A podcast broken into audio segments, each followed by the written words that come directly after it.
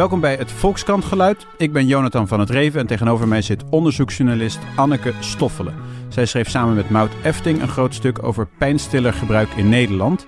Want ze hebben ontdekt dat vooral oxycodon, dat is een verslavende opioïde, uh, dat het gebruik daarvan de laatste zes jaar is verdrievoudigd. Dus dat is eigenlijk best wel een groot, grote verschuiving. En hoe dat allemaal komt horen we straks. Maar we beginnen even zoals altijd met het geluid dat Anneke heeft meegenomen.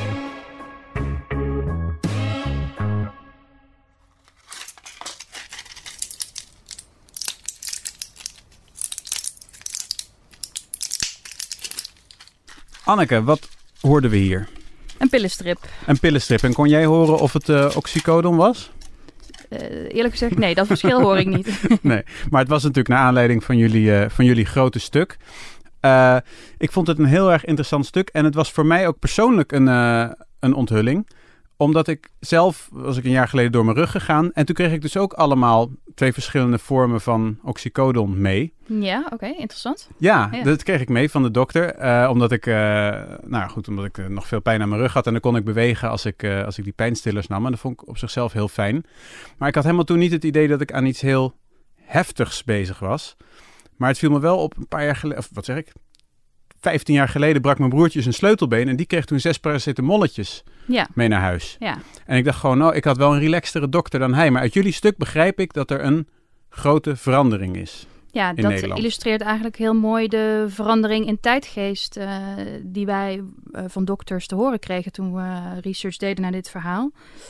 Uh, waarbij eigenlijk nou ja, mensen die al langer in het vak zitten ons vertelden van uh, tien jaar geleden uh, na bijvoorbeeld een botbreuk, stuurden we mensen naar huis met het advies: nou neem als de pijn te erg wordt een paracetamol. Um, bij keelamandelen uh, verwijderen werd vaak waterijs aangeraden om even de pijn te verzachten. Ja. En nu um, lijkt er toch een soort standaard ingeslopen te zijn om vrij heftige pijnstillers uh, mee te geven naar huis. Ja, want eventjes voor mensen die het stuk niet hebben gelezen. Uh, oxycodon is dus een opiaat een, van de familie van heroïne en morfine, morfine. En is dus echt een heel zwaar middel en ook verslavend. Hoe verslavend het is komen we straks nog op. Ja. Um, maar ik wilde even beginnen met hoe, zijn jullie, hoe komen jullie zoiets op het spoor? Dat dat dus nu veel meer wordt voorgeschreven, die oxycodon, dan vroeger. Dat kwam eigenlijk door een tip van een huisarts ehm, met wie wij wel eens vaker contact hadden gehad. Jos van Bemmel, een huisarts in Amersfoort. Um, en hij, dat is wel een kritische dokter om het zo maar te zeggen. Hij schrijft ook een column in Medisch Contact, een vakblad voor artsen. En dat is iemand die af en toe een stapje terug doet, zeg maar, om te kijken van waar zijn we nu eigenlijk mee bezig in de zorg. Ja. En hij, uh, het voorbeeld staat ook in het begin van ons verhaal, ja, dus dat, hij een 16-jarig meisje, ja. precies. Hij een 16-jarige patiënte had en uh, dan krijg je als huisarts uh, op een gegeven moment een medicijnoverzicht uit het ziekenhuis. Normaal komt daar ook een brief bij met de bijbehorende diagnose en waarom die medicijnen zijn voorgeschreven. Die brief had hij nog niet gehad, maar dat medicijnoverzicht wel. En hij schrok zich kapot. Hij denkt, uh, een meisje van 16, uh, 63 uh, pillen oxycodon voorgeschreven. Hier, je gaat iemand dood. Ja. Um, toen is hij gaan bellen met die patiënten om te horen wat er aan de hand was. En bleken dus haar keelamandelen verwijderd. En daar heeft, ze, en daar heeft ze dus 63 uh, pillen van een van een soort morfine gekregen. Ja, keelamandelen. Ja, klopt inderdaad. Heeft ze gekregen, maar niet, uh, niet allemaal gebruikt overigens. Want haar moeder zei zoiets van... Uh, nou, ze had er één of twee genomen en ze voelde zich hartstikke draaierig worden. Dus uh, ja. ze had oh, de pillen maar snel aan de kant gegooid. Ik heb zelf ook nog een lekker voorraadje. Dat, ja. voelt toch fijn. Ja. Daar kun je misschien nog wat mee in de verkoop Ja, ja daar wil ik straks ook nog even ja. over hebben. Na de uitzending. Nee, um, en die heeft dus uiteindelijk jullie gebeld, die huisarts. Ja, hij uh, vertelde dat hij naar aanleiding daarvan eigenlijk zijn eigen patiëntenbestand er eens goed op na had geslagen. En tot zijn schrik eigenlijk veel meer uh, zware pijnstillers uh, voorschreef dan hij zichzelf had gerealiseerd. Omdat het vaak met herhaalrecepten gaat. Ehm, ik zit er niet zo goed in. Dat verbaasde mij dat stukje. Dat hij dus, dat de arts er zelf achter komt dat hij heel veel van iets voorschrijft. Dat, dat zijn dus herhaalrecepten en dan hoef je niet voor terug naar de dokter of zo. Nee, dat gaat vaak. Uh, kun je een bandje inspreken bij de huisartsenpraktijk of uh, nou ja, via internet of zo. Um, en dat gaat, ja, als hij zegt, als ik heel eerlijk ben, sommige van die recepten gaan een beetje op de automatische piloot. We weten wel met antidepressiva of kalmeringsmiddelen, daar zijn al veel langer verhalen van bekend dat daar veel overgebruik is, dat mensen dat onnodig blijven slikken. Ja. Dus daar ben je dan als huisarts meer uh, op gealarmeerd als je dat voorbij ziet komen. Maar dit middel zat nog niet zo voor in zijn hoofd van, oh, daar moet ik op letten. En nou ja, kennelijk was dat bij andere huisartsen ook aan de hand. Um, en... Want jullie hebben er uiteindelijk meer gesproken. Ja, klopt. En, ja. Eh, en hadden jullie meteen door dat dit een, dat dit een groot verhaal was? Van uh, we hebben hier een, een, een schandaal of een onthulling? Of was het meer zoiets wat lang sluimerde? Nee, het sluimerde eerst een beetje. Want um, we konden wel cijfers vinden dat, dat, uh, dat die, vooral die oxycodon veel meer voorgeschreven wordt sinds een aantal jaar. Er is een verdrievoudiging in zes jaar tijd of zo. Dus dat dat roept al de vraag op van waarom dan? En dat is niet dat het morfine vervangt en dat het daarom meer wordt. Het is echt, het wordt gewoon meer, meer, meer. Nee, die opioïden, dat wordt eh, als, als groep ook meer uh, voorgeschreven. Ja. Um, dus dat was eigenlijk onze vraag van hoe komt dat dan en wat zit daarachter en leidt dat tot problemen? Eerst eventjes het, het, het rampscenario of wat er, wat er mis kan gaan. In mhm. Amerika is er een grote opioïdencrisis, zou je kunnen zeggen. Toch? Daar, daar neemt het gebruik is enorm toegenomen. Het aantal doden is gigantisch. Tienduizenden doden per jaar. Mm Ja. Hoe, hoe, hoe is dat daar gekomen? Is daar iets van te zeggen? Hoe, hoe heeft dat kunnen gebeuren? Of zijn dat gewoon duizend factoren? Ik denk dat het daar nog wat makkelijker is om uh, aan pijnstillers te komen. Dat het ook de medicalisering al wat verder is dan bij ons. Dus dat mensen ook vrij snel die middelen krijgen. We hebben ook met een um, promotieonderzoeker gesproken die tien jaar geleden in een Amerikaans ziekenhuis werkte. En, en toen viel hem al op uh, hoe makkelijk daar met pijnstillers werd omgesprongen. Dus dat is ook, denk ik, een cultuurverschil. Dat is op zichzelf verbazend, hè? want ze zijn daar wat betreft andere drugs en wiet en kook zijn ze daar redelijk hysterisch vergeleken met ons beleid. Maar dan juist in ziekenhuizen zijn ze weer makkelijker kennelijk. Ja, maar dit, dat is natuurlijk het hele punt met die oxycodon en die andere opioïden, dat het, het is medisch gebruik. Dus het, is, het, valt niet meteen onder het label drugs natuurlijk. Nee, nee, dus de war on drugs geldt niet per se voor oxy. Hoewel oxy ook, ik kende dat woord oxy ook alleen maar van televisie, zeg maar. Dat iemand, dat een drugsdealer iemand zei, wil je oxy kopen? Ja, of ja. Zo. Maar het dus oorspronkelijke gebruik komt uit het ziekenhuis. En dus ja. Eh, ja. is daar veel vertrouwen in als een arts jou vertelt... Ja, uh, neem dit voor de pijn. Dan zal je daar niet meteen vraagtekens bij want, plaatsen. Want in Nederland is het dus in ziekenhuizen en, en bij huisartsen is het dus veel groter geworden. Maar is er ook al hier sprake van veel recreatief gebruik? Zoals in Amerika al die rappers uh, doen? Ja. Dat hebben we wel geprobeerd ook een beetje te onderzoeken. Dat is best wel lastig natuurlijk, omdat in beeld te krijgen hoe groot dat precies is.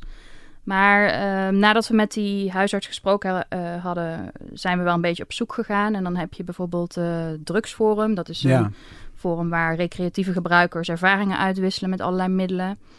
Dus daar kwamen wel mensen tegen die beschreven dat ze oxy gebruiken, of het graag wilden gebruiken, of advies vroegen hoe dan, eh, hoe het in te nemen. Dus daar zag je wel al wat voorbeelden met allemaal anekdotisch. Ja. Um, we kwamen ook wel mensen tegen op um, een aantal twee, doorverkoopwebsites. Overigens niet op Marktplaats, want daar mag je geen medicijnen verkopen. Daar kom oh ik achter. Oh ja. Maar tweedehands.nl kennelijk wel. Oh ja. um, en daar zie je dus ook wel dat mensen het aanbieden. Dus dat suggereert ook wel dat er een bepaalde vraag is. Ja. Of ook wel omgekeerd dat mensen... Dus natuurlijk een beschikbaarheid. Ik, ja. Heb, ja, ik zit ook met die stash. Ja, ja precies. uh, dus mensen verkopen wat ze over hebben. Ja. En daar is kennelijk een vraag naar. Ja, ja, ja. Eh, want eventjes, uh, heb je het zelf voor dit onderzoek ook even flink geprobeerd? Nee, ik heb het zelf nooit geprobeerd. Nee, nee, nee. Ik heb het dus wel gehad en ik had in het ziekenhuis kreeg ik volgens mij was dat gewoon morfine en daar dat was heel lekker en ik ging, de pijn werd minder en ik ging veel kletsen en daarna werd ik heel erg misselijk. Mm Maar die zelf wat ik thuis meekreeg, wat ik een week heb geslikt of zo, daar merkte ik eigenlijk niet zo. Ik had me er erg op verheugd. Ik dacht, yes, nu mag ik eindelijk opium gebruiken, maar dat merkte ik dus niet zoveel ervan. Mhm, ja. Is het, is, verschilt het echt per persoon of heb ik gewoon niet genoeg genomen? Mijn indruk is dat het inderdaad per persoon nogal kan verschillen wat het effect is. Dat zie je ook wel op uh, drugsforum, op die, die uh, gebruikerservaringen. Ja. Sommige mensen beschrijven van wat, wat kan hier nou verslavend aan zijn? Ik voel, ik merk er weinig van. Ja. En andere mensen juist beschrijven dat ze een soort euforische stemming krijgen en al hun dagelijkse zorgen op een soort afstand lijken te komen te staan. Ja. En daardoor het dus wel heel lekker vinden. Dus dat, daar ja, zit dus, een groot dus zoals verschil. heroïne, zoals Ja. we althans uit beschrijvingen eh, heroïne kennen. Ehm, wat ik me afvroeg, hè, want er is dus, de mode is dus veranderd. Eh, zeg maar, toch zou je kunnen zeggen, de, Mhm. de, de mode on, in ziekenhuizen is veranderd. Ehm, hoe ontstaat zoiets? Zijn daar nieuwe wetenschappelijke inzichten? Of heeft de grote boze farmaceutische industrie dit gedaan? Wie bepaalt de mode? Mhm. Eh, ik denk dat het in dit geval een combinatie van factoren is. Ehm, eh, tot een jaar of tien geleden waren NSAID's eh populairder om voor te schrijven bij pijnklachten. Dat wat is, zijn dat? eh, Wa- wat hoort daarbij? Dat is een andere middelengroep, maar bijvoorbeeld eh naproxen valt daaronder. Dat is wel een veel gebruikt middel. Ehm, ibuprofen, wat je gewoon bij de drogist overigens kan Ja, halen. Dat, is een vroeger. milde variant daarvan. Ja, ja. Ehm, en op een gegeven moment verschenen er meer wetenschappelijke studies over de bijwerkingen van die middelen. Ehm, vooral eh, op de maag. Dus moesten daar eigenlijk eh, ook weer maagbeschermers eh, bij voorgeschreven worden. Mhm. En ook vooral bij oudere mensen nou ja, hadden die bijwerkingen wel nare effecten. Dus die kwamen in een wat negatiever daglicht te staan. En ongeveer rond diezelfde periode ehm, werden die opioïden eigenlijk kwamen, kwamen op. En daar heeft die fabrikant eh, Purdue Pharma, van, nou ja, die het als eerste op de markt heeft gebracht, Ja. ook wel een fanatieke marketingcampagne gevoerd.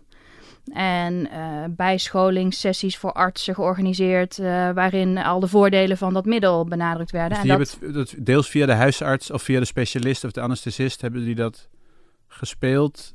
ja, Gewoon zoals farmaceuten doen. Ja.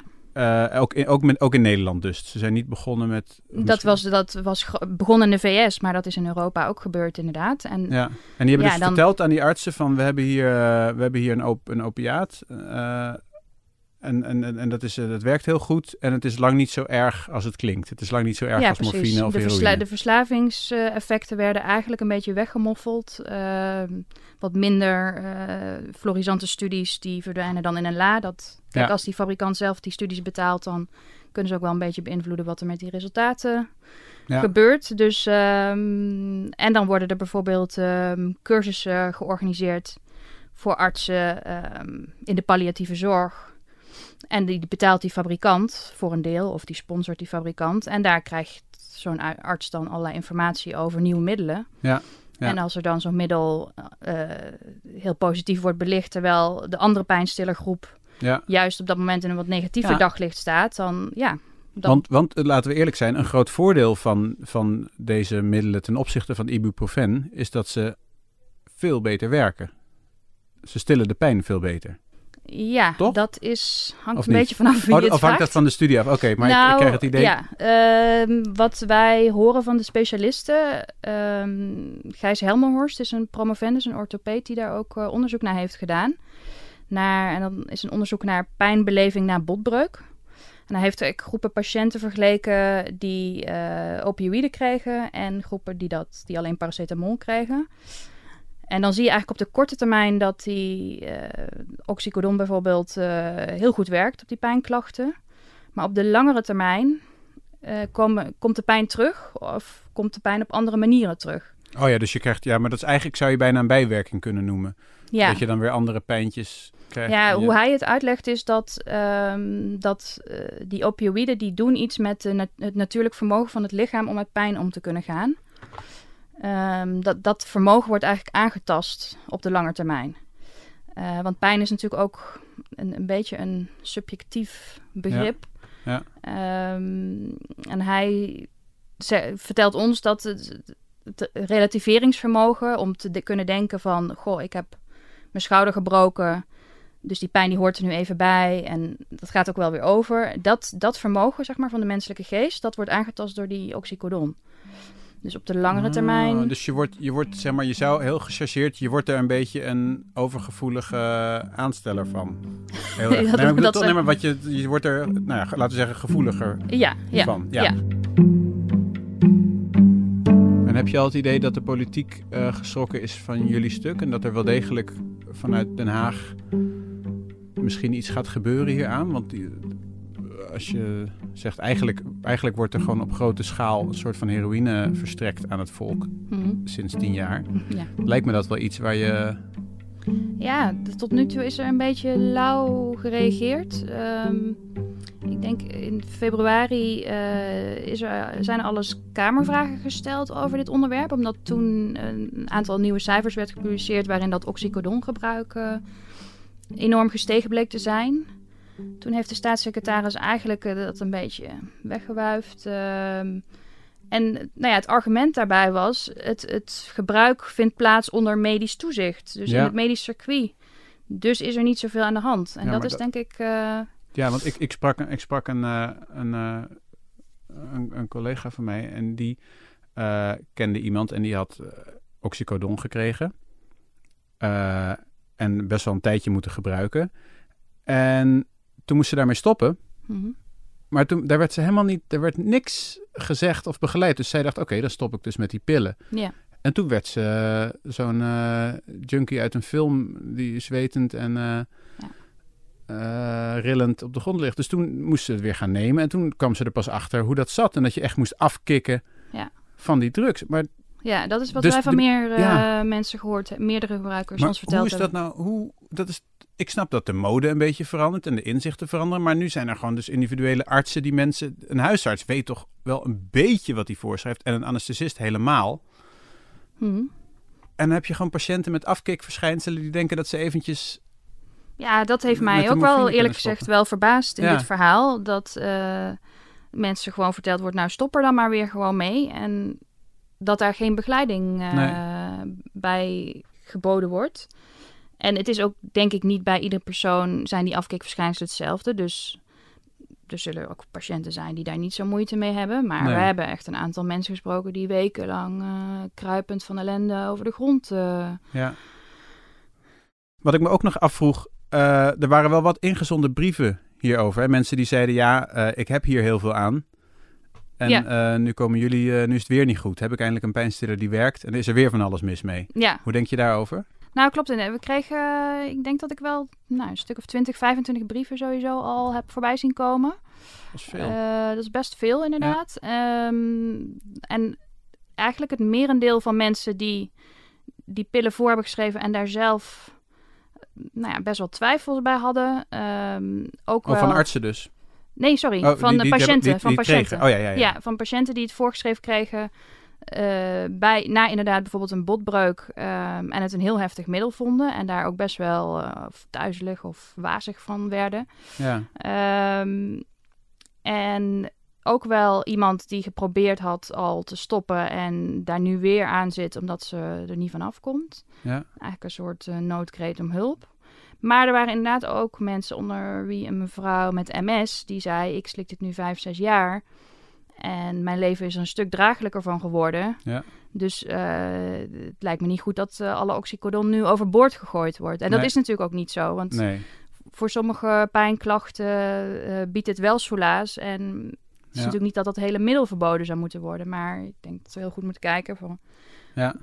In welke situaties het van toepassing is. Ja, het is wel weer een moment dat je beseft van, oh ja, we hebben, we hebben misschien wel invloed. En eh, in ieder geval denken mensen dat we invloed hebben. Dus- Ja. Dat daar anders over gedacht gaat worden. Ja, Ja, ja, Dat, het, dat het nog een heftige strijd gaat worden Ja, misschien. ja. Ja. Nee, precies. Want je hebt verschillende patiëntengroepen natuurlijk. En je kan een kankerpatiënt niet vergelijken met iemand die op het voetbalveld eh, zijn Achillespees eh, gescheurd heeft. Of zo. Nee, is ook zo. Nee, maar als mijn zoontje nu eh, over tien jaar zijn sleutelbeen breekt... Mhm. en hij krijgt zes paracetamolletjes... dan denk ik dat ik ook zeg, ja, hallo... Geef die jongens even wat echte shit. Ja, maar ik, ik zou er eerlijk gezegd wel blij mee zijn als ik de, naar, Nee, de, naar de meteen- vier gebruikers die ik de- gesproken heb, Nee, dat is waar. Eh, heb ik toch liever paracetamol, denk Ja, ik, in zo'n situatie dan eh, meteen opiaten. Ja, nee, dat is waar.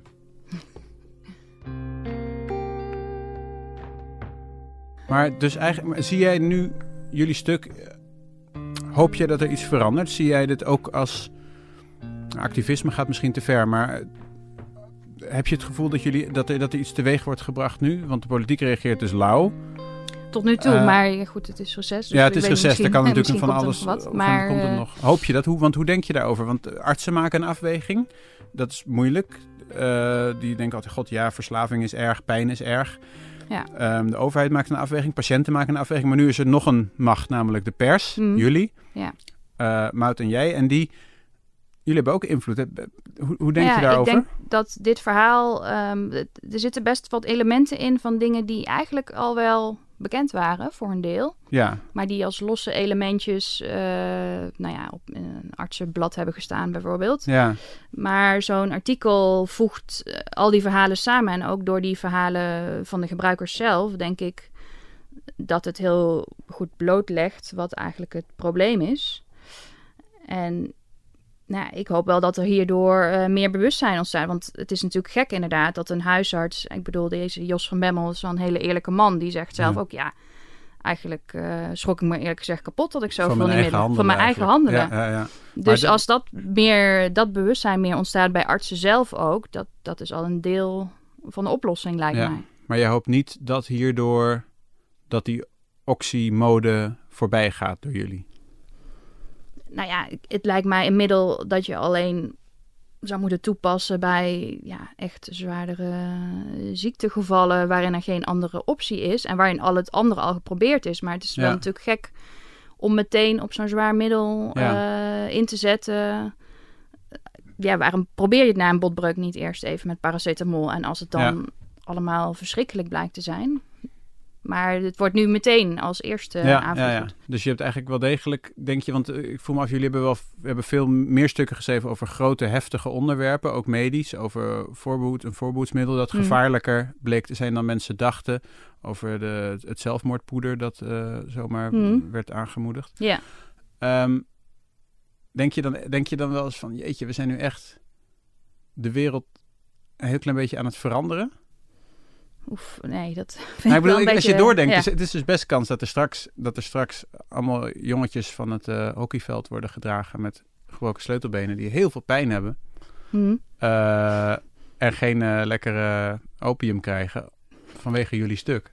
Ja, maar ik denk niet dat het zo snel... en allemaal zo- mensen die niet onder een brug liggen Ja, ja, en ja, ja. autoradio. Ik bedoel, Ja, nou ja, dat zou de uiterste consequentie zijn. Maar ik denk niet dat de invloed van één zo'n artikel zo groot is. Maar het is nu wel voor het eerst, denk ik, dat we die hele optelsom gemaakt hebben van wat er speelt op dit terrein. En, Ja. eh, nou ja, dat kan wel enige verandering Ja. in gang zetten. Maar dat is lastig te nou, als, ik, als ik in de kamer zat, zou ik het wel weten. Dan zou Ja. ik hier eh, lekker mee gaan scoren. Nou, ik hoop dat ze dat nog doen. Ja, ik wil Eh, eigenlijk nog wel oh, weten hoe je eigen ervaring was met. Ja, oh ja, nou ja, ja, dus een beetje saai. Ja, ik, was, ik heb dus. Ik, ik werd dus eerst.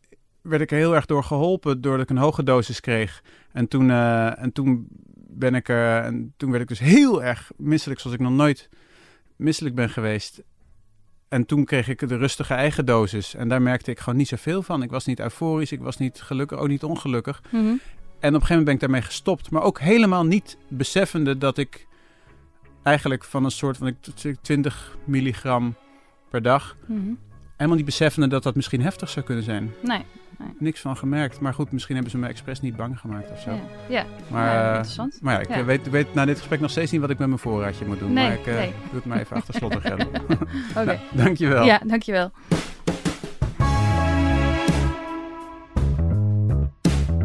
Dit was het Volkskrant Eh, als je de volgende niet wil missen, moet je je even abonneren. En dat kan op iTunes en op Soundcloud. En wat daar ook kan, is een recensie achterlaten. Dus dan kun je even heel kort schrijven wat we allemaal verkeerd hebben gedaan, of juist goed. Eh, en dat eh, is ook weer ergens goed voor, want dan komen we hoger in de ranking en hebben we meer luisteraars. En dan uiteindelijk krijgen we dan meer geld, grotere artiesten. En dat is voor iedereen leuk. Oké, doei!